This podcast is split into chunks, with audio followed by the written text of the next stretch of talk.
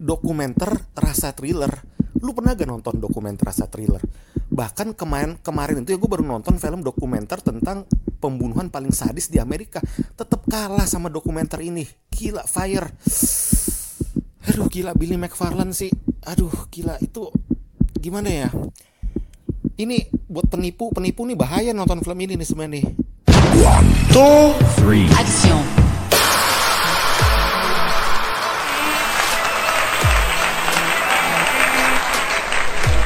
Lu ada duit nih terus lu ditantang lu emosional lu ditantang oleh si Billy. Dibilang gue ada festival musik nih yang menawarkan tuh eh, sensasi yang nggak pernah dialami oleh semua orang. Serasa tuh lu terbangun dari mimpi. Lu serasa memiliki eh, pulau private pribadi di Bahamas. Pulaunya milik Pablo Escobar. Fasilitasnya tuh bintang 10 ibaratnya bukan bintang 5 lagi. Lu gimana ditawarin seperti itu Wah gila mulutnya si Billy McFarlane sih manis banget gila.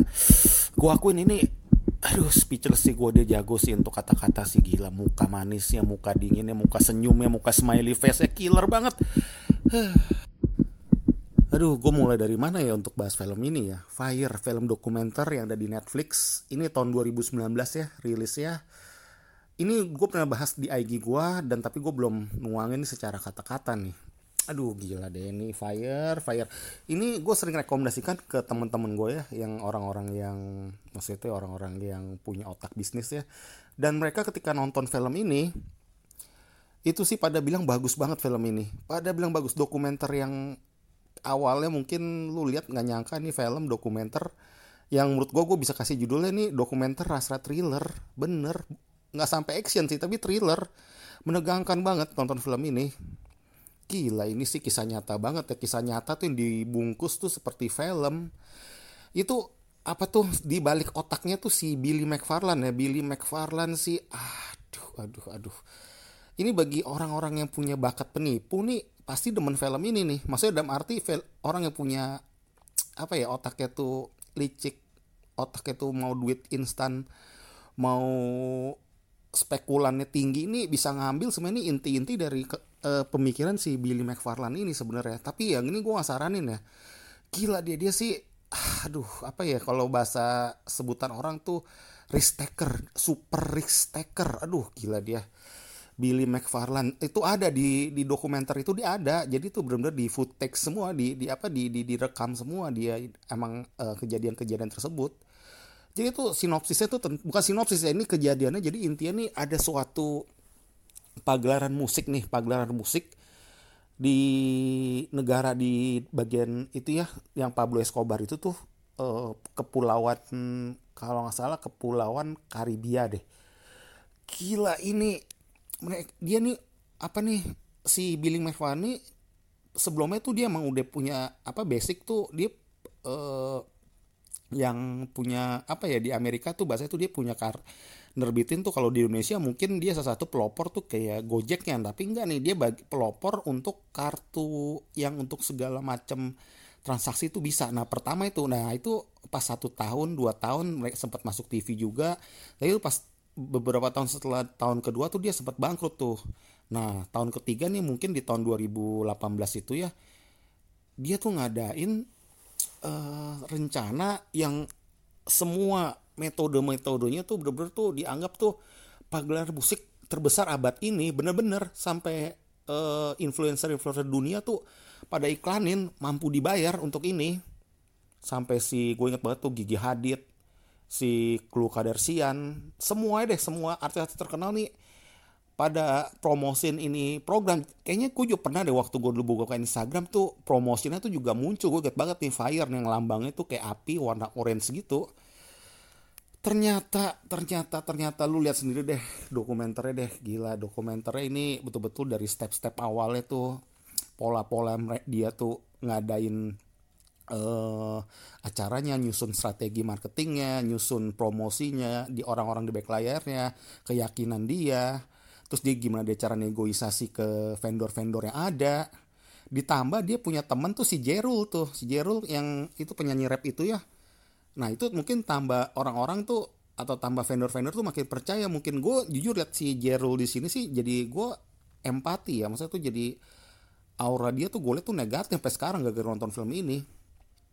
Non spoiler ya. Jadi intinya nih satu jam 50 menit ini itu ditampilkan tuh eh apa ya gimana tuh si Billy McFarlane ini sebagai CEO-nya tuh aduh terlalu big risk taker dan juga terlalu gali lubang tutup lubang buat gue ya. Ini lu, lu yang pernah ngalamin hal seperti ini ya. Gue yakin kok di dunia nyata tuh banyak orang-orang seperti ini. Dalam arti bukan banyak penipuan atau gimana enggak. Maksudnya tuh banyak kita melakukan salah langkah sehingga tuh kita tuh eh apa ya termasuk gali lubang tuh lubang. Jadi kita awalnya mungkin niatnya nggak seperti itu. Mungkin niatnya baik dalam arti 20% berharap ini bisa berjalan dengan seiring berjalan waktu vendor-vendor atau eh, sponsor-sponsor tuh berjalan. Tapi itu kalau bisa nggak tercapai yang ada adalah kita aduh gue cuma bisa buat satu kalimat sih gali lubang tutup lubang yang membahayakan dirinya. Seperti itu sih. Ini gue akuin ya kalau gue sebagai lihat dari sisi orang bisnis ya ini si Billy Farhan termasuk orang otaknya nih pinter ya licik-licik pinter. Dalam arti tuh dia tuh menstrategikannya tuh aduh kadang untuk beberapa orang gue yakin mungkin di dari 100% 20 orang tuh memuji dia. Langkah-langkah dia tuh dianggap tuh benar-benar langkah-langkah seorang pengusaha rasa tuh visionernya tuh tinggi.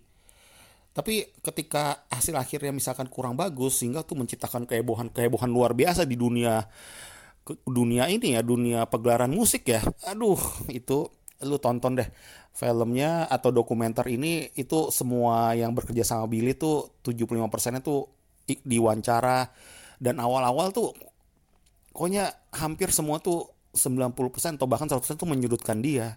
Emang dia salah sih gue akuin. Bahkan pas udah salah dia masih mau berusaha untuk melakukan hal-hal yang di luar batas. Lu tonton deh. Bener gak apa gue bilang ini dokumenter rasa thriller banget. Gue jarang nonton dokumenter. Jadi itu dokumenter tuh kan cerita tentang kita mau santai. Kita oh terkejut, ter, terhanyut sama cerita-cerita. Biasa kan uh, langkah awal mulai gimana walaupun sampai penjahat penjahat yang apa tuh yang dulu pernah gue nonton dokumenter tentang penjahat yang paling size di Amerika tuh gue nggak se, se thriller nonton film ini menurut gue ya atau kenapa gue nonton film yang Fire ini tegang banget. Ini Fire ada dua tip ada dua uh, tipe ya. Jadi ada satu yang dari Netflix satu yang dari Hulu tuh. Kalau yang dari Hulu judulnya Fire Fraud. Kurang lebih tahunnya juga sama 2019 tapi yang gue tonton yang Fire dari Netflix. Uh gila deh itu deh. Eh, gue sih pengen banget nih film ini ada jilid 2 sebenarnya kalau buat film nih bagus nih. Atau buat mini seri ini keren banget menurut gue. Nggak tahu ya apakah ah, jadi gue kadang orang bilang tuh perbedaan kita sebel sama mengabu, mengagumi itu mungkin tipis. Tapi gue sih itu tetap negatif sih si uh, Billy McFarlane itu sih. Tapi dia punya step-stepnya, dia punya strateginya tuh gue akuin tuh jempol tapi ya nol besar hasilnya. Itu semua yang diwawancara tuh dengan musik-musik latarnya, dengan ketegangan tuh apa kalimat-kalimatnya tuh pas banget deh tuh sutradara itu menurut gue tuh pinter tuh ya sutradara Fire ya direct direct apa uh, iya di, direktornya tuh uh, siapa sih ini si Chris Smith ya dia tuh ah apa ya bikin ini dokumenter nih bagus banget menurut gue ya bikin gue bener-bener tuh menghela nafas thriller deh kok thriller bener-bener thriller. Lu uh, ini dokumenter yang bagi orang bisnis ya bagi orang yang suka spekulan ini wajib banget deh. Hah, gila itu itu waktu berjalan detik demi detik atau waktu tahun demi tahun tuh kayak kita tuh ibaratnya tuh kita tuh udah siap sih siap-siap tuh kayak kita lagi menghadapi dunia nyata ya. Ibaratnya apa ya kita punya utang nih sama orang nih atau punya kewajiban sama orang. Yang kita tuh dua bulan sebelum utang itu jatuh tempo kita tuh masih bisa masih bisa berpikir lah dan mati. Dan masih bisa kita melakukan segala hal. Tapi pas udah mau langkah-langkah udah mau lima detik ya kayak kita mau dihukum mati. Tapi dia ada satu adegannya yang satu bagian kacau itu ya ada satu bagian yang kacau cerita nih dia masih bisa santai dia masih bisa aduh lu lihat deh.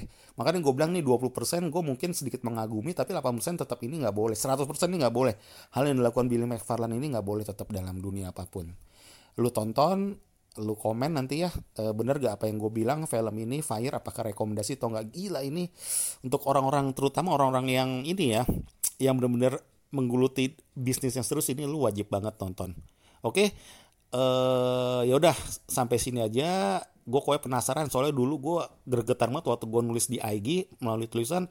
Gue seneng banget nulis ini tapi kalau begitu di uh, voice ya ya udah berarti gue mau tampilin banget ini biar lu orang tahu bahwa hal-hal seperti ini, ini tidak baik kita tuh nggak boleh apa hidup itu tuh nggak boleh kita terlalu beresiko atau terlalu mengambil uh, risk taker tuh yang terlalu gimana. Sehingga tuh menjawabkan karakter kita karakter kita yang seharusnya dihormati karakter kita tuh yang harusnya besar. Jadi itu ya jatuh. Ingat kepercayaan itu adalah nomor satu ya kalau dalam dunia apa pun trust itu adalah nomor satu dari orang. Oke? Ya udah sampai sini dulu.